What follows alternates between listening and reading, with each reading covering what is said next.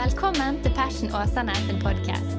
Vi er en ung og levende kirke i Åsane bydel i Bergen som ønsker å lede mennesker til lidenskapelig tro og overgivelse til Jesus, kirken og oppdraget. Takk for at du lytter til vår podkast, og vi håper du blir oppmuntret og utfordret i din etterfølgelse av Jesus.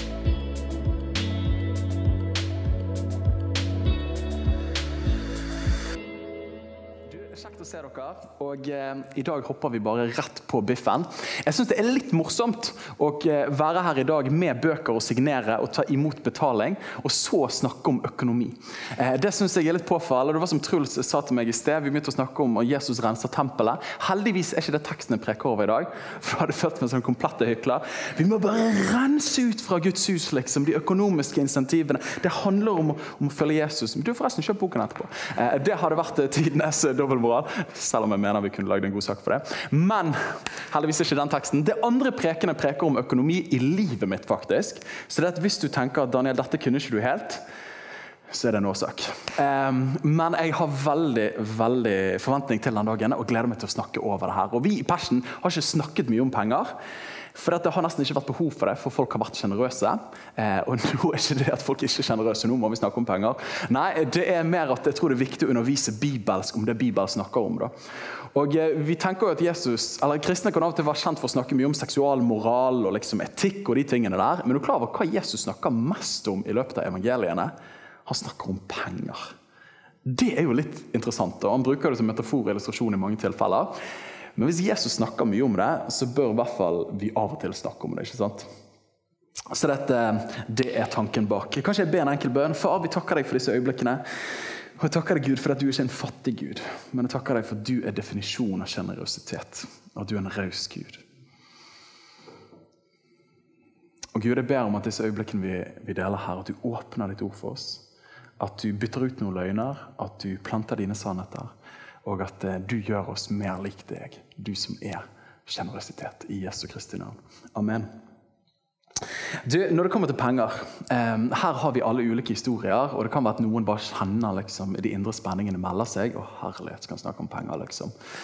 Jeg har ikke lyst til å gi mer penger. Eh? Man kan ha mange assosiasjoner som melder seg. En av tankene og som jeg har lyst til å dele med dere i dag, er at jeg husker når jeg gikk på bibelskole i 2011-2012. Og så var det en som var intern på den bibelskolen, som frivillig. Da, så var det et par år eldre enn meg. Og så hadde jeg opplevelsen en gang at akkurat som Den hellige ånd sa til meg Daniel, du skal gi 1000 kroner til han. Og jeg bare kjente nei, det skal jeg ikke. Og Årsaken til det var ikke det at det var liksom det var mest pga. jeg ikke likte personen så veldig godt. Eh, og så var det mye penger eh, på den tiden. og Jeg fikk 8000 i måneden av å vaske Kristkirken. Så dette, det var dyrebare penger. I was mine. Precious. Eh, så dette, jeg kjente det har jeg ikke lyst til å gi. da. Og så nå i vår så kom jeg på den historien. Ja, liksom, jeg tror kanskje Den hellige ånd menet meg på det en dag jeg satt og tenkte på liksom penger og økonomi. og sånt. Så kom tanken til meg husker du Daniel, at jeg utfordret deg på å gi de 1000 kroner. Jeg bare stemmer det, Herre. Men heldigvis lot jeg den gå. Så, så, så fikk jeg liksom fornemmelsen av skulle ikke jeg vippse 10 000 kroner nå, liksom? Jeg bare, Herlig, ti år seinere til den personen der. Utrolig kleint, liksom. Men så slo det meg det er bedre i hvert fall med sen lydighet enn ingen lydighet. ikke sant? Eh, så dette, ok, så tenkte jeg ok, let go. Så dette, jeg eh, fant fram telefonen min, og så vippset jeg. Og så tenkte jeg at dette blir morsomt, og nå liker jeg personen betraktelig bedre. da, eh, bare så det er sagt. Eh, men så får jeg en melding rett etterpå. da, og bare sånn her, Daniel, dette her var jo superfunny. For at jeg og min kone vi har nettopp tatt et ganske stort trosteg og gitt bort en stor sum. Og Så snakket vi med hverandre og så sa vi at jeg lurer på om vi har forstrukket oss. Vi burde ikke gitt så mye. Og Vi kjente liksom uro på dette området, her, men vi bare landet på det punktet her. Vi må bare stole på deg i møte med økonomien vår. Og så kom de 1000 kronene rett etterpå! liksom. Det var jo den bekreftelsen på at Gud sa vet du hva? Jeg ser dere, og jeg passer på dere. Og jeg bare Yes! Det var det hun visste. Eh, så det var jo superoppmuntrende, ikke sant? Hvordan Gud, jeg synes også, Det er en annen preken, men hvordan sen lydighet ti år senere kan likevel være Guds plan. Er du med meg? Akkurat som Gud rewrites history. Jeg bare synes det er vakkert. da. Eh, Men når det kommer til penger, det er ikke bare bare. Og det siste året særlig så opplever jeg, og nå er jeg litt ærlig med dere, men akkurat det som går på økonomi, har vært på en måte en reise i sjenerøsitet. Egentlig de siste årene, men særlig det siste året, så opplever jeg at Herren har talt til oss personlig om dette. Og det har vært spennende å være på en sånn reise. For det, når du begynner å, å, å vandre i tro på dette området òg, så begynner du å se at Gud griper inn. Sånn som sånne fortellinger som dette. Eh, og eh, på samme tid så det er veldig spennende, så er òg det som angår penger, er også noe av det mest krevende. For dette er noe av det som ligger nærmest oss òg. Ja, og man kan jo kjenne av og til at det koster, bokstavelig talt, å gi penger. Det gjør det. Og det kan være onde følelser som melder seg, og man kan i hvert fall få lyst til å holde litt tilbake. Og Jeg sier ikke at man skal gi alt man har. Vi skal jo spare, forvalte og leve middelklassedrømmen i Norge. ikke sant? Så dette Hvorfor skal vi være sjenerøse? Ja, i det hele tatt, hvorfor skal vi gi? Er dere klar for dette? Sparker vi av gårde. Du, Paulus han skriver i 2. Korinterbrev, og det er teksten vi skal ta og hoppe ut ifra i dag. I det 8. og 9. kapitlet der, så skriver han om den kristnes hjerteholdning og holdning og handlinger i møte med sjenerøsitet og gavmildhet. Og Det er faktisk utrolig spennende kapitler som jeg har lyst til å oppmuntre dere når dere kommer hjem, til å dykke litt inn i. For der gir han mange tidløse prinsipper om hvordan en kristen skal forholde seg til penger og sjenerøsitet. Bakgrunnshistorien for den teksten vi skal lese, er at han holder på å samle inn en gave til de fattige i Judea og Jerusalem. Og Dette er på den tredje misjonsreisen. Og Vi leser faktisk i Romerbrevet, i i det 15. kapittelet, det det andre siste kapittelet, så skriver han om denne gaven. Så sier han men nå drar jeg til Jerusalem for å tjene de hellige. For de fra Makedonia og Kaia hadde et stort ønske om å få gi en gave til de fattige blant de hellige som er i Jerusalem. Ja, Dette ville de svært gjerne gjøre, og de står også i gjeld til dem. For dersom hedningefolkene har fått del i deres åndelige goder, da er det også deres plikt å tjene dem med de materielle goder. Så Her får vi et innblikk i at jeg holder på jeg er på vei et sted, jeg holder på å samle inn en gave. Så leser vi i 1. Korinterbrev, det 16. kapittelet, at han snakker om at korintermenigheten som er i Akaya så når han sa Makedonia og Akaia, så er Korint i Akaia det et område. Så sier han når det gjelder innsamlingen til de hellige, altså de som er i Jerusalem, så har jeg gitt beskjed om til menigheten i Galatia, for at han plukket opp flere gaver fra flere menigheter, må også dere gjøre det på samme måte. På den første dagen i uken skal hver av dere legge noe til side og spare det. Her gir han praktisk visdom til hvordan å ha en givertjeneste. Ikke skippertak, men de små investeringene uke inn og uke ut. Ettersom han har råd til viktig presisjon, for at innsamlingen ikke skal finne sted når jeg kommer. Og Når jeg kommer, skal jeg sende av sted dem som dere selv godkjenner, og gi med dem et brev. Så kan de ta med gaven deres til Jerusalem. Men dersom det passer at jeg også drar, kan de reise sammen med meg. Dette her er altså litt av bakgrunnshistorien. Nå ser dere kistene, men Han holder på å samle inn en gave som skal gis til de fattige i Judea og Jerusalem. Og Bare for å recappe, full recappe, recappe, full fart før vi kommer til vår tekst, som er slutten av kapittel 9, så står det i begynnelsen av kapittel 8 Der snakker han om, om sjenerøsiteten til menigheten i Makedonia. Hvordan de har samlet inn penger. Og så skriver han om de at de var fattige, men i sin fattigdom så ga de rikelig. Det syns jeg er interessant. Og Videre så snakker han om at, at han har lyst til å prøve ektheten i troen til korinterne i slutten av kapittel 8 ved å vise til andre sin giverglede. Og Så minner han korinterne på at for ett år siden begynte dere å samle inn denne gaven. Nå må dere fullføre forsettet deres. For det blir litt teit hvis dere sa for et år siden at vi skal samle inn en skikkelig boost til dere, men så fullfører dere det ikke. Derfor sender han Titus i forveien for seg, som man kan lese om i begynnelsen av det niende kapitlet. Og Så kommer vår deilige tekstpassasje. Og Du tenkte Daniel, har ikke vi allerede lest bibeltekst? Det er helt korrekt, det har vi. Det kan ikke bli for mye. Og Da leser vi i det niende kapitlet i andre korinterne. Men dette sier jeg, og her gir han god visdom. Den som sår sparsomt, skal også høste sparsomt. Og den som sår rikelig, skal også høste rikelig. Enhver skal gi slik han har bestemt seg for i sitt hjerte.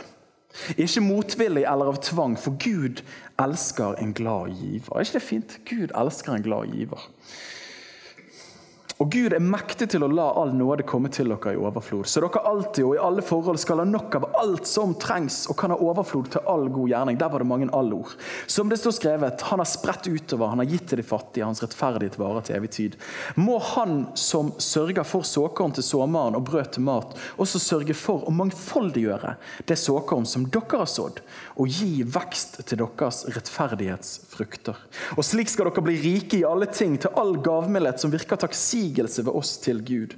For hjelpen som denne tjenesten gir, fyller ikke bare de behovene de hellige har, men han skaper også overflod ved mange takksigelser til Gud.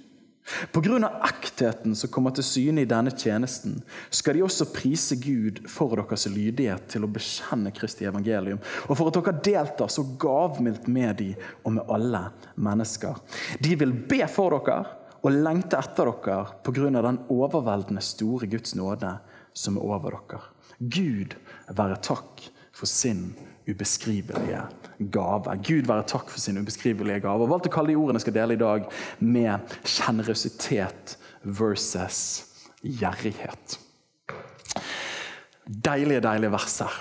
Og Det første jeg har lyst til å løfte opp når vi stiller spørsmålet hvorfor skal vi være sjenerøse, eller hvorfor skal vi gi? Så synes jeg det er interessant når du leser det 8. og 9. kapittelet her, at Paulus' hovedargumenter hans og motivasjonen for at vi skal gi, er evangeliet. Jeg vet ikke om dere så det, Vi fikk noen små glimt av det. Men når han, sier, når han prøver å appellere til hvorfor skal de gi, hvorfor skal de begynne å samle inn den første dagen i uken små ting til han kommer? Jo, pga. evangeliet. Ja, men Daniel, nå henger jeg ikke med her. Hva er greien med evangeliet sånn egentlig? Du, Vi leste det i vår tekst, så sa han pga. den overveldende store Guds nåde som er over dere. Jeg skjønner ikke, Han appellerer til at de skal gi og samle inn pga. nåden som er over dem. Ja, og det siste vi leste, Gud være takk for sin ubeskrivelige gave. Nei, men Paulus, hva er det du baler med her? Sånn egentlig? Jo, i det åttende kapittelet så skriver han om, om denne gaven som er virket av nåde. Ja, Videre så sier han denne gaven av nåde. Ja, det skal være en velsignelsesgave og ikke en gave av gjerrighet. Er du med meg her? Og Det slo meg når jeg skulle forberede denne talen, her, for jeg visste at dette er jo liksom the money chapters in the New Testament. så det var her man måtte gå, Med mindre man skulle preke ut fra bergprekken. men det gjorde vi for to og et halvt år siden første økonomiprekken. Men når jeg leste denne teksten her og var i den, så slo det meg Men kjære tid, Paulus. Når du skal argumentere på hvorfor de skal gi, så peker du på hva Gud har gitt. Og så er det det ordet som går mest igjen, er nåde. Og jeg bare elsker det! For han kunne liksom sagt til dem Du folkens, korinterne, husker dere når dere leste i Apostelens gjerninger 18? Det kunne jo ikke de gjøre, for de hadde jo ikke Apostelens gjerninger 18. for det holdt på beskrevet akkurat da. Men han kunne sagt det. Husker dere Apostelens gjerninger 18 når jeg kom til Akaya og når jeg plantet kirken deres? Jeg er med andre ord faren deres i troen. Dere hadde ikke trodd på Jesus. hadde ikke vært for moi. Så hvis jeg sier til dere at dere skal samle litt penger sammen, så skal dere gi, så skal dere gi det. Men han går ikke inn den døren der. Eller han sier ikke heller vet du hva, nå er det likhet, nå kjører vi strengt kommunistregime. Alle skal gi like mye. Sånn? Da Hadde han vært en god sosialdemokrat fra her oppe på berget, så hadde han sagt det for lenge siden. Og han økte grunnskatten kjempemasse. Skal ikke gå inn den døren. Men hva er det som skjer der? Jo, Han går ikke inn og appellerer med sånne pragmatiske ting. Eller sier jeg er en apostel ved Guds vilje, som sier Galateren i det første kapittelet det første verset som vi prekte over. Sant? Når han skal legitimere seg selv, sier han Paulus, Jesu Kristi apostel, ikke av noen mennesker eller ved noen mennesker, men ved Guds vilje. Så det jeg sier, det er Guds ord. Sant? Man kan jo av og til få inntrykk av litt sånne pinsepredikanter og ledere som appellerer på den måten. Paulus gjør ikke det når det kommer til penger, her, selv om han kunne gjort det. Men han sier, folkens, nåde. Hvorfor skal vi gi nåde, evangeliet. Og jeg syns det er så vakkert, og du når klimakset i det åttende kapittelet og i det niende verset. Der sier han, folkens, dere kjenner jo vår Herre Jesu Kristi nåde. Og de bare, jeg vet ikke om jeg gjør det. Nei, men La meg definere det for deg, sier han. Dere kjenner vår Herre Jesu Kristi nåde. Hvordan, når han var rik, ble han fattig for deres skyld. For at dere ved hans fattigdom skulle bli gjort rike. Det er et av mine favorittvers fra Det nye testamentet. Men det er evangeliet innkapslet i én setning. Dere kjenner nåden. Gjør ikke dere? Og Hvis dere kjenner nåden, så vet dere at det handlet om at Gud hadde alt. Men han sa 'jeg gir avkall på det', sånn at de som hadde ingenting, kunne få alt. Som er deg, og som er meg. Og Jeg må personlig si jeg syns dette er den beste kollekttalen jeg noen gang har hørt eller lest Paulus si det. For han manipulerer ikke, han suggererer ikke, og han viser ikke skikkelig skumle powerpoint-bilder som gjør at du føler du bør gi, selv om det kan være bra av og til. Men han peker tilbake og sier, 'Husker dere at Jesus frelste dere?' Og der dere fikk alt for ingenting. Og så sier han at pga. evangeliet, mine venner, så oppmuntrer jeg dere til å være sjenerøse. Jeg har skrevet det sånn som dette her, at evangeliets ånd er sjenerøsitet. Evangeliets ånd er sjenerøsitet. Vi får det vi ikke fortjener. Ja, Guds godhet kommer før våre gode gjerninger. Tok du den? Guds godhet kommer før våre gode gjerninger. Så hvis man ikke gjør gode gjerninger, så tror jeg ikke det handler om først og fremst om at man er ond, eller hvis man er gjerrig, at man er kjip. Nei, nei, nei, nei. Guds godhet, erfaringen av evangeliet, gjør oss sjenerøse. Erfaringen av korset, erfaringen av at Gud ga når jeg hadde ingenting og ikke fortjente noe, men fikk likevel alt. Det skaper, det gjør noe med hjertene våre, det utvider hjertene våre, sånn at vi òg har lyst til å være sjenerøse. Guds godhet kommer før vår sjenerøsitet. Ja, definisjonen av sjenerøsitet, er ikke det kjærlighet? I 1. Korinterne 13 står det at kjærligheten ikke søker sitt eget. Kjærligheten søker ikke sitt eget. Så et elskeproblem kan jo høres litt eh, morsomt ut, men skal det gå opp i ordrimet, så måtte det bli elskeproblem. Men et elskeproblem er jo i dypeste forstand et evangelieproblem. At man ikke har erfart kjærlighet, så er det vanskelig å gi kjærlighet. Men har du erfart Guds kjærlighet, så begynner du å elske og bry deg. Så Guds godhet gjør oss sjenerøse. Definisjonen av gjerrighet og en gjerrigknark ifølge det utrolig troverdige Wikipedia er en betegnelse på en person som uavhengig av sin økonomiske situasjon forsøker å unngå å bruke eller gi fra penger, eller også ved å spare penger der det er mulig, og betegner en overdrevet sparsommelighet. Skal vi ta håndsopprekning? Noen som kjenner eh, er det noen som er en? Uansett, dette representerer en person. og er ikke det interessant? Du kan ha en fattigdomsmentalitet selv om du er verdens rikeste. Og, Noe av det jeg synes er så trist av og til, er når du møter folk som er bemidlet. Og så merker du at liksom ting er gudsfrykt med nøysomhet, som vi gjerne kunne snakket om første Tim 6.6. Men når du merker at det er bare det er en sånn fattigdomsmentalitet. Når Gud har velsignet deg, så klarer du ikke å ta imot det. Og du klarer ikke å gi det til andre heller. Og Tankene mine gikk nå, liksom, i møte med evangeliet. Ok, Godhet kommer før sjenerøsitet. Husker dere Lukas 15 med de to sønnene? Så kommer hans sønn hjem med seggebukser og tatoveringer. Og sånt. Og så kommer en eldre sønn som går med dress og aldri tatt tatovering og aldri drukket en eneste dråpe med alkohol, ut på marken. Og så sier de du, nå må du komme inn, nå er det full party her liksom, med kirkevin. Og så har de slaktet den gjøkalven. Og så leser vi det 28. verset, og sier han, men han ble harm og ville ikke gå inn. Ja, Derfor kom hans far ut og bønnfalte han. Så svarte han og sa til sin far.: Se, i så mange år har jeg tjent deg. Jeg har aldri noensinne overtrådt ditt bud. Likevel har du aldri gitt meg så mye som et skje, så jeg kunne ha fest sammen med vennene mine. Men så snart denne sønnen din kommer, han som har sløst bort arven etter deg, sammen med prostituerte, da slakter du gjøkalven foran. Og så sier faren, sønn, du er alltid hos meg, og alt mitt er ditt. Den eldste broren var ikke sjenerøs fordi han aldri hadde erfart godhet sjøl. Og Nå tror jo jeg faren i fortellingen et bilde på Gud. altså Jeg tror ikke det sto på faren, egentlig. Men, men når du ikke har erfart Guds godhet, da tror jeg gjerrighet er frukten det. Men når du har erfart evangeliet, den overveldende Guds godheten som kommer til uttrykk i evangeliet, så gjør det hjertene våre sjenerøse. For vi vet at alt vi har, har vi fått. Dette kan man si et forsiktig amen til. Dette tror jeg veldig på. Og Jeg digger at Paulus går inn den motivasjonsdøren. Pisker ikke de og sier at jeg er en apostel, jeg plantet kirken her, liksom. jeg er styreleder, så jeg kan tvinge dere å ta medle hvis det ikke. Nei, han sier evangeliet, venner. Har dere glemt evangeliet? Men mer enn det så går han videre og sier at, at grunnen til at vi gir, grunnen til at vi skal være sjenerøse, handler òg om ektheten vår. Ektheten i troen deres og i kjærligheten deres. Det prøver deres ekthet. Ja, Vi leser i det avsnittet vi leste pga. ektheten som kommer til syne i denne tjenesten her. Ja, men jeg prøver ektheten i deres kjærlighet ved å vise til deres andres iver, sier han i det åttende kapitlet der.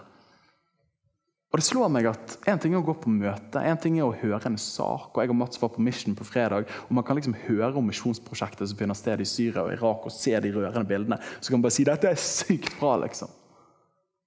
Men koster det veldig mye å si det? På ingen måte. Det går jo inflasjon i ordene våre som regel. Men det som begynner å koste litt, er når han sier nå kan du få lov til å hente fram telefonen din. Bare skal vi sende meldinger til noen? Ja, så kan du få lov til å gå inn på VIPS. Ok, skal du vippse til meg? Og så kan du skrive inn et tall og sende det av gårde. Da blir plutselig bekjennelsen prøvd om han var ekte eller ikke. Så vår givertjeneste og sjenerøsiteten i våre liv prøver ektheten i vår tro til Gud, men òg i vår kjærlighet til mennesker rundt oss. Dette kan jo, Nå preker ikke dette her liksom ovenfra og ned. Jeg er i samme båt som hele gjengen her. Vi trenger å bli utfordret på disse tingene her. da. Men det prøver å være ektet. Martin Luther, vår gode venn, han sa folk går gjennom tre omvendelser. Omvendelse av hodet, omvendelse av hjertet og omvendelse av lommeboken. Dessverre ikke alt på samme tid. Det tror jeg stemmer. John Wesley, min gode venn, sa den siste del av mennesket som blir omvendt, lommeboken. Det stemmer ikke for Passion. Jeg vet ikke. Men uansett, dette utfordrer oss. da, Og jeg syns det er festlig sagt, disse tingene her. Og Man kan jo le litt av dette, her, men jeg tror det er skremmende sant. Grunnen til det tror jeg er mange årsaker. Men i den verden som vi er en del av, så, så er ikke Christ king som regel, men Cash is king i veldig stor grad. Cash is king, og det driver de fleste tingene rundt oss. Hvis du tenker på konfliktene som finner sted i verden akkurat nå, og hvis du ser på ulike territoriale utfordringer og fighter mellom ulike stater, så kan man skylde på etnisitet, og det stemmer jo til en viss grad i en del tilfeller. Men i veldig mange konflikter som finner sted på kloden her, hvis man borer dypt nok, så er det en kamp om ressurser. Det handler om penger, det handler om cash. Og Bibelen har jo et arkaisk ord for det mammon. Det representerer mer, men det handler om velstand, jordisk gods. Det står en kamp om de tingene der. Ja, og jaget etter midler og penger driver ikke det mennesker til å gjøre ting som de egentlig ikke ville ha gjort. Jeg tenker Folk er villige til å ofre familier, folk er villige til å ofre relasjoner, ofre karrierer, ofre framtiden sin bare for å få mer av de grønne tingene. Da tenkte jeg på penger ikke på andre ting som er grønt. Hvor kom det fra? Ikke hasj, det var ikke det jeg tenkte på. Men så mye av narkobransjen. Bare for å smette den inn der òg. Hva handler vel egentlig det om? Handler det om at eh, folk nede i Colombia og andre steder har lyst til at folk skal få en større harmoni og velvære her oppe i Vesten? På ingen måte. Det handler om midler. Det handler om penger. Penger vil jeg påstå kanskje sammen med sex, de to store avgudene som preger verden rundt oss. Da. Men forkledd i vanvittig mange fine innpakninger. Og mindre fine innpakninger. Folk bekymrer seg for penger. og En studie fra UK som jeg så på når jeg forberedte meg her, viser at den største grunnen til skilsmisse og samlivsbrudd det er økonomi og forvaltningen av penger. Enten at noen jobber for mye og lite hjemme, eller at den ene er litt tullebukk når det kommer til forvaltningen av pengene. Penger er en big thing i verden vår. Og Jesus kommer jo da, og dette er jo så utrolig utfordrende. og jeg kunne på en måte ønske, og det er sikkert mange som kunne ønske det, Jesus kunne ikke liksom bare kristentroen handlet om å gå i kirken, gjøre godt mot andre, men bare penger. Det var ikke sånn Du hadde ingenting å adressere på det området der. Det kunne vært liksom personal space. liksom. Det hadde vært guilty pleasure zone. Det kunne vært stedet der jeg bare lever ut det jeg virkelig ønsker. og Det er liksom skjødets lille katakombe. Men uansett, Jesus adresserer det. Og som jeg sa, Penger er det han snakker mest om. Og Det forstyrrer jo oss i Vesten. og vi har jo ikke lyst til å snakke om det. Men Jesus sier jo da i Bergpreken i det sjette kapittelet 24. verset du kan ikke tjene Gud og mammon. Du kan ikke både ha Christ as king og cash as king. Du må velge, for det er ikke plass på troen til begge to. Og Så går han videre og snakker rett etterpå. Han sier, 'Se på liljene på marken. Se på fuglene på himmelen.' Og Da adresserer han vår avhengighet og bekymring. Han sier, han begynner med 'Vær ikke bekymret for noe'. Og så er det så vakkert. for hva er det som skjer? Jo, Hvis du og meg har erfart Guds godhet og blitt sjenerøse, så prøver det vår tro. På hvilken måte? Jo, han sier på den måten at dere skal ligge på deres far som er i himmelen. For han lar det regne over rettferdige og urettferdige. Han lar sol stige opp over syndere og hellige. Så det at vår sjenerøsitet avslører ektheten i troen vår. I den forstand ligner vi på Gud. Ligner vi på vår far, han som vi er kalt til å ligne på. Men så prøver han òg vår tro på den måten at tror jeg at hvis jeg gir av mine midler og de pengene jeg har fått, at da han tar seg av meg. Sånn, rett etter han underviser om penger, så sier han vær ikke bekymret for noe. Se på, se på gresset, se på fuglene. Deres far vet om alt dere trenger. Det prøver troen vår, tryggheten vår, om vi stoler på han. Og så ikke minst så utfordrer det kjærligheten vår. Og Paulus hadde et finurlig ord i det vi leste, men han sa deres rettferdighetsfrukter. Hva handler det om? Jo, jeg tror at det å være sjenerøs handler ikke først og fremst om penger, men det handler faktisk om vår person. Det handler ikke om cash, men det handler om vår karakter. Jeg har møtt noen mennesker som ikke er veldig bemidlet, men som er noen av de rikeste menneskene jeg har møtt. Og Det har sikkert du òg. Møtt noen mennesker som du tenker ok, du hadde ikke den fineste bilen, de klærne der har jeg sett ca. de 13 andre gangene jeg så deg, for du gikk med de samme klærne. Men du er tilfreds. Du har det godt. Og Paulus sier litt tidligere i 2. korinteren, han har sånne ramseliste der han bare sier alt kjipt han har vært igjennom. Og så sier han vi som har ingenting, men likevel eier alt. Åh, For en formulering! Jeg elsker den formuleringen der. Vi som ikke har noe, men likevel eier alt. Ja, Vi som ikke har noe, men som likevel gjør de mange rike. Hva handler det om? Rettferdighetsfrukter. Det prøver ektheten vår. Med andre ord, Det finnes noen verdier i livet som er langt viktigere enn pengene. Og jeg vil faktisk påstå å si at ved å gi dine penger, så vil du i mange tilfeller ende opp med å bli en rikere person. Er ikke det paradoksalt? Men det handler mer om rettferdighetsfrukter i livene våre. Og så må jeg smette inn her at når vi underviser om disse tingene her, så kan jo man tenke ok, kjære tid, liksom, Daniel. Dette her er et push for å gi. Det er det på ingen måte. Gud ønsker ikke roboter, han ønsker relasjon. Og Derfor kommer Paulus inn, ikke som en klam pengepredikant på TV en sen kveld, men han sier enhver skal gi som han har bestemt seg for i sitt hjerte. Ikke motvillig eller av tvang, for Gud elsker en glad giver. Hva handler det om? Jeg husker i konfirmasjonen min så konfirmerte meg med en kompis av meg. og Han hadde en søster som hadde vært i konfirmasjon der. Hun hadde vokst opp litt kristent, men hun hadde vært lenge siden hun hadde vært i kirken. Og Så hadde det kommet kollektpreken, og så er det jo vanlig at folk liksom sier det her. Ja, ja Gud elsker en glad giver. Og Hun hadde tenkt å gi penger, helt til hun hørte det ble sagt. Ja, elsker han bare de som er glade når de gir?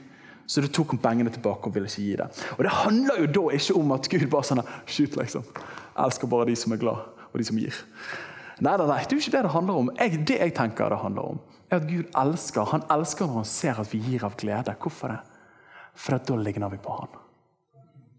da ligner vi på han. For han lar det regne over rettferdige og urettferdige. Det er ikke sånn at Han bare sånn, Shoot, jeg har ikke lyst til å gi til deg, for du gikk ikke i kirken på søndag. Nei, nei, nei, Han elsker sin skapning. Og han blir glad når vi gir av hjertets lyst, for da ligner vi på han. Da ligner vi på han. Da begynner vi å bli til det Kristusbildet som vi er kalt til å være. Så jeg, Det er bare så viktig å si for meg at det handler ikke om tvang, men det handler om et glad hjerte som gir, for det handler om tillit, og det handler om tro til Han. Det prøver ektheten, og det prøver troen vår. Og så er det dette her, sant? Og Av og til har dette blitt prekt ut av proporsjoner. Men hvis du er her i dag, og du gir et offer vet du. Hvis du planter et frø hvis du sår et trosoffer på 100 kroner, så vil du få igjen 1000. Amen. Og Da kjenner jo kapitalisten inni oss. Av og til kan det høres fromt ut. liksom, jeg bare ga i tro, Men egentlig så ga vi til en wending-maskin. Vi håpet at Gud var liksom den spillemaskinen, så jeg bare investerte de ti kronene. Fikk igjen 10 000 kroner. Han så hvor sjenerøs jeg var. Sorry, my friend. altså. Det er jo sjenerøsitet. Det er jo en byttehandel med renter. Men Gud lover faktisk at du blir rikere. Men han lover ikke at det nødvendigvis kommer inn på lønnskontoen din. Og Det er veldig viktig å ha med seg. da. Så det Når vi gir, så er ikke det sånn jeg bare vet jeg kommer til å få det her igjen med forkastelse. Eller for, ikke med forkastelse, håper jeg, men med fortjeneste. Kanskje lede til forkastelse. Det er ikke sånn, Vi gir jo ikke pga. det, men jeg tenker vi skal forsone det med ok, gir du bort de der 10 000 ah, Herre, Det kan godt være at det blir trangt det kommende året eller kommende måned. For da har ikke vi de pengene. Men det er helt greit. Jeg valgte å gi det. Men jeg tror likevel at du tar deg av meg. Og jeg tror likevel at du beriker oss på annet vis. da. Og som jeg har prøvd å få fram, rikdom er langt mer enn penger på kontoen. Ja, Han sier det sånn i det niende kapittelet og det sjette verset som vi leste. Hør på det, Dette er jo bare noe av det deiligste. Den som så sparsomt, skal også høste sparsomt. Den som så rikelig, skal også høste rikelig. Ok, The law of, of så og høste. Men så kommer det åttende verset, som er utrolig vakkert. Og Gud er mektig, mine venner, til å la all nåde komme til dere. I overflod så dere alltid, hør på alle disse alle-ordene, og i alle forhold skal ha nok av alt som trengs, og kan ha overflod til all god gjerning. Så det Han sier er ikke at lønnskontoen blir større, men du kommer til å ha overflod. Og du kommer til å ha nok til all god gjerning. Han sier han tar seg av oss. Men ikke nødvendigvis på lønnskontoen. Og Noe av det som åpnet opp denne reisen for meg og Helene, og som på en måte har stått som en sånn milepæl for meg, eh, var for en tid tilbake, en, en stund tilbake, så var jeg og spilte inn en podkast. Og så spiller jeg inn en podkast med en spennende person. Og så under podkasten så får jeg fornemmelsen av akkurat som Den hellige ånd sier Daniel, du og Helene skal støtte de med penger. Jeg vet ikke hvordan det er med deg, men når jeg hører og liksom får den tanken, så bare sånn, det sikkert meg. Jeg håper det var meg. Eh, stygt å si det, men vi tenker av og til det. Eh, så det, det, kan ikke være deg, Herre. Og så kommer det igjen, da. Og så bare herlighet. Ok, Gud, kanskje det er deg. Eh, og så spør jeg vedkommende kan få kontonummeret ditt etterpå. Får jeg kontonummeret, og så eh, kommer jeg hjem til Helene den dagen på slutten av arbeidsdagen sier Helene, jeg ble så minnet på at vi skulle støtte dem med penger, for de står i et spennende arbeid. Heia på dem. Eh, og Så prøvde jeg å glemme det, og så glemte jeg det i halvannen måned. Eh, og så hadde vi månedsplanleggingen vår, der vi går gjennom økonomi bl.a. Og så sier hun ja, husker du du sa vi skulle støtte dem med penger. Og så, ja, stemmer det. Og så uh, var jeg forpliktet av mitt ord. Så dette, da gikk vi inn på nettbanken så vi, ja, hvor mye skal vi ta og gi. da? Og Nå sier jeg dette her pga. at jeg håper det vekker tro i dere. Men så så vi, ok, det var på en konto. Der, det, lå, det, der lå det der lå det 20 849 kroner. Og Så så Helene bort på meg og sa hun, Daniel, skal vi bare gi de pengene der. Så Nei, kanskje ikke vi skal gi alle de pengene der. Og så sa jeg jeg tror vi gir det. Og så sa jeg ja, jeg tror vi gir det. Eh, og så Til slutt hun er litt frommere enn meg på det punktet. Eh, så hvis du trenger støtte til noe, så gå til min kone. Eh, men uansett vi bare vipset de pengene, eller vi overførte de pengene. Ikke vips over 5000 må du betale. du vet det der. Men vi ga de pengene bort til dem eh, på kontoen. Og så går det noen dager. Først får jeg en melding. bare, 'Tusen takk, Daniel, så snillere. Eh, og så går det noen dager, og så ringer han til meg og sier han, 'Daniel, det var et spørsmål. Hvorfor ga dere akkurat den summen der?' Ja, du skjønner eh, Jeg hadde besøk av en engel. Så sa til meg Nei, jeg sa det var de pengene vi hadde på konto. ok? Slutt å tenke at det var så underlig. Eh, og så sier han men det som er tingen var at i dag fikk jeg bilen tilbake fra bilverkstedet. Vet du hva regningen var på? Den var på 20 894 kroner. Vi hadde gitt 20 849, så de to siste tallene hadde byttet om hverandre. Og da tenkte jeg de siste 50 sier Herren, du må ta oss selv. Eh, men for meg Altså, herlighet. Det var greit nok at de fikk bilen sin fikset. Men hvem tror du ble rikest av den exchange som fant sted der? Definitivt oss, tenker jeg. Det var så trosstyrkende for meg og Helene at når du er villig til å gå i tro på dette området her, så åpner Gud opp eventyr. Det er så gøy å få lov til å være til velsignelse for folk på dette området òg.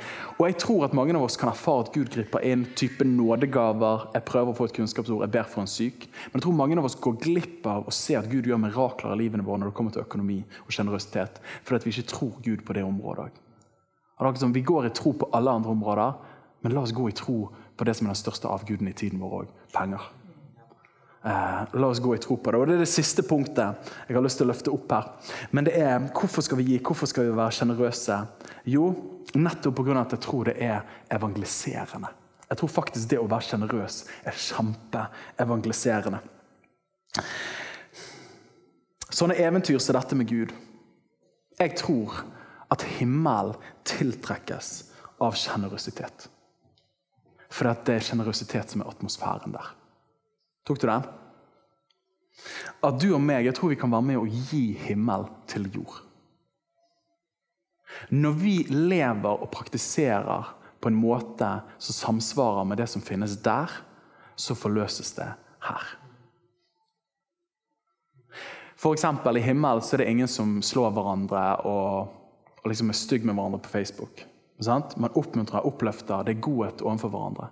Når du og meg er gode med folk i vår verden og vår neste, så skaper det en atmosfære, en smak av Guds rike. Er dere med på det? På samme måte, Det høres drøyt ut, men jeg tror du kan være med å gi himmel til jord da, gjennom sjenerøsitet.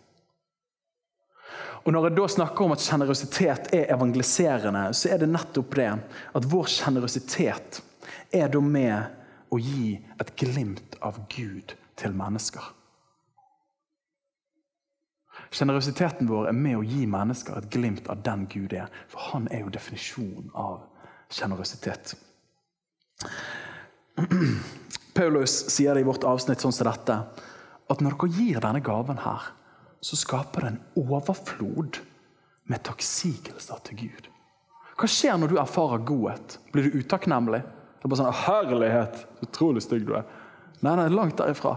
Det skaper utakknemlighet. Takk for at du tenkte på meg. For det går til meg, da.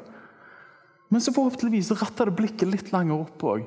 Der du kjenner Store Gud, tenk at du minnet noen på meg.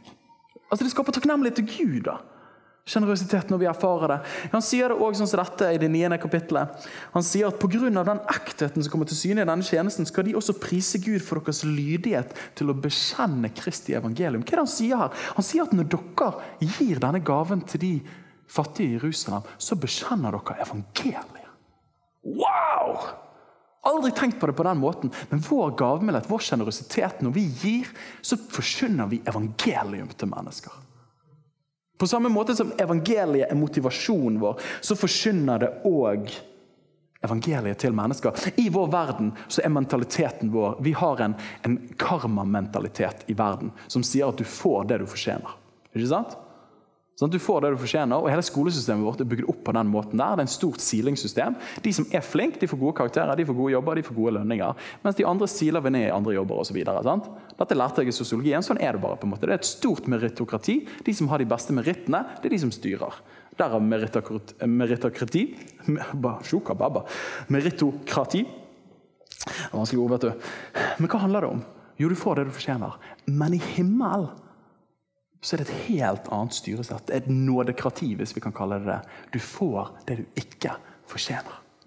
Så det at når du og meg er sjenerøse, så er vi med å ta atmosfæren derfra og gi det inn i en verden som ikke forstår disse tingene. For det gir ikke mening at jeg fikk noe jeg ikke fortjente.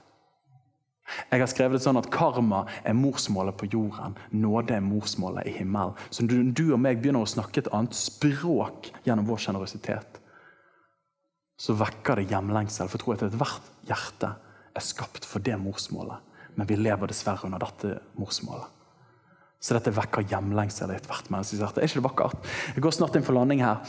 Men det er en bok som heter 'Nådens gåte'. Noen som har hørt om den? Som heter 'What's So Amazing About Grace'. heter den på engelsk. En av de vakreste bøkene jeg har lest. Og Han har et begrep som han kaller nådens matematikk. The Mathematics of Grace. Og hva handler det om? Jo, Han tar opp en del ulike eksempler fra evangeliet. Lukas, for eksempel, det 15. kapittelet. Hyrden forlater 99 sauer for den ene. Det er så utrolig irrasjonelt og ulogisk. Det dummeste du kan gjøre.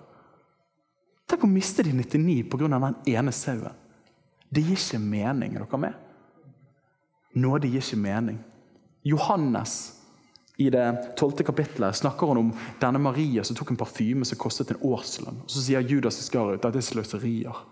Og så sier Jesus hun damen der, mest sannsynlig Maria en tidligere prostituert, hadde erfart Jesus' nåde, og nå ga hun noe tilbake. Det var irrasjonelt i øyeblikket der for de menneskene utenfra som var vant til en sånn 'jeg får det jeg fortjener, vi må ikke sløse'. Men nåden er irrasjonell. Ja, Markus, en enke i det tolvte kapittelet, la to små mynter ned, og Jesus sier hun ga mer enn alle de andre. Nei, men herlighet, Jesus, Så du de svære pengesummene de rike folkene ga? Og han bare sa hun ga mer. Og Det siste eksempelet, Matteus, det 20. kapittelet. Lignelsen Jesus forteller om de fem arbeidslagene. Husker dere de? Der det er en som går og hanker inn dagsarbeidere. Og så Noen arbeider tolv timer, og de skulle få én denar. som var en vanlig dagslønn. Så hanker han inn noen i den ellevte timen, så de jobber bare én time. Og så får de samme lønn. Det er jo så skandaløst! Hvordan kan du gjøre det? De første arbeiderne blir jo kjempesinte og de begynner å fagorganisere seg. Og så Hvorfor det? For dette her er jo kjempeurettferdig. Nei, men det er på grunn av at Vi forstår ikke morsmålet i himmelen. For du får det du ikke fortjener. Åh! Så vår sjenerøsitet, våre venner, gir mennesker en smak av himmel. Og Historiene er så mange på hvordan kristent barmhjertighetsarbeid og kristen sjenerøsitet har ledet mennesker til tro. En siste fortelling jeg har lyst til å avslutte med, men Våre gode venner i Kristent Fellesskap i Bergen de siste årene har de begynt med matutdeling. Der de har oppsøkt i en bydel av Bergen vanskeligstilte og ikke så ressurssterke mennesker og spurt er det noen av dere som ønsker å få ukentlig mat hjem til dere gratis. Og så har de kommet i kontakt med noen som har vært ydmyke nok til å si at vet du hva, det hadde vi trengt i en trang hverdag. Og Det det har resultert i, er jo for det første at de har kommet inn i så mange hus. De har kommet inn i så mange hjerter. Fått fantastiske samtaler med folk. Til at en del har begynt på alfakurset i kirken der.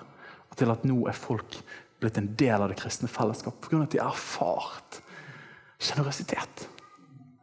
Hvorfor det? Pga. at sjenerøsitet er evangeliets ånd. Dere skjønner hjertesukket mitt her i dag. Når Paulus oppmuntrer til å gi, så peker han på Guds godhet. For Guds godhet gjør oss sjenerøse. Og det er det siste jeg har lyst til å si. Guds godhet gjør oss sjenerøse. Så Hvis du er i dag og du kjenner Dan, jeg vet hva, akkurat det å gi 10% eller det å gi barmhjertighetsgaver, det å leve sjenerøst, det syns jeg er vanskelig. Så er ikke jeg her i dag for å liksom si du, shape up, liksom. Herlighet. Ta deg sammen. Ta et par kristne runder rundt bygget her og gi litt. sant? Nei, nei, nei. Det jeg sier, sjenerøsitet vokser ut ifra Guds godhet. Så da har jeg bare lyst til å si ta imot Guds godhet. Ta imot hans sjenerøsitet. For henger du rundt han rike pappaen vår i himmelen, så begynner du å ligne på han. Og du har lyst til å gi det. Siste parentes, jeg prøver å preke for mye til dere. Men sånn er det. Prøver å preke på 35 minutter. Nå er det 35 minutter. Men sjenerøsitet siste jeg si, handler om mer enn penger. Sjenerøsitet handler vel så mye om tiden vår. Har vi plass til andre mennesker? Talentene våre? Kan jeg hjelpe noen med noe jeg er flink på som de ikke kan? Men jeg tror det mest konkrete og kanskje den største avguden er penger i denne tiden. Amen. Kanskje vi tar og reiser oss til slutt sammen, og så ber jeg en bønn. Far i himmel, jeg takker deg for at du er definisjonen av sjenerøs. Du er han som sier 'alt mitt er ditt, du er alltid hos meg'. Jeg ber om at du tar ut fra mitt hjerte og fra våre hjerter dette eldre broren-syndromet, der det er gjerrighet, Gud. Der vi tror at vi ikke har nok, der vi ikke ønsker å gi til andre. Så ber jeg om at du smelter oss med din godhet, sånn at vi begynner å bli sjenerøse her. Ber om det i Jesu Kristi navn. Amen. Amen. Takk for at du lyttet til vår podkast. Hvis du synes den var bra, så del den gjerne med noen flere. Vil du vite mer om hvem vi er, hva som skjer, og kanskje besøke en av våre gudstjenester? Se vår nye hjemmeside på fashionåsane.no, eller følg oss på sosiale medier. Helt til slutt, ta imot Herrens velsignelse. Herren velsigne deg og bevare deg. Herren la sitt ansikt lyse over deg og være deg nådig. Herren løfter sitt åsyn på deg og gir deg fred.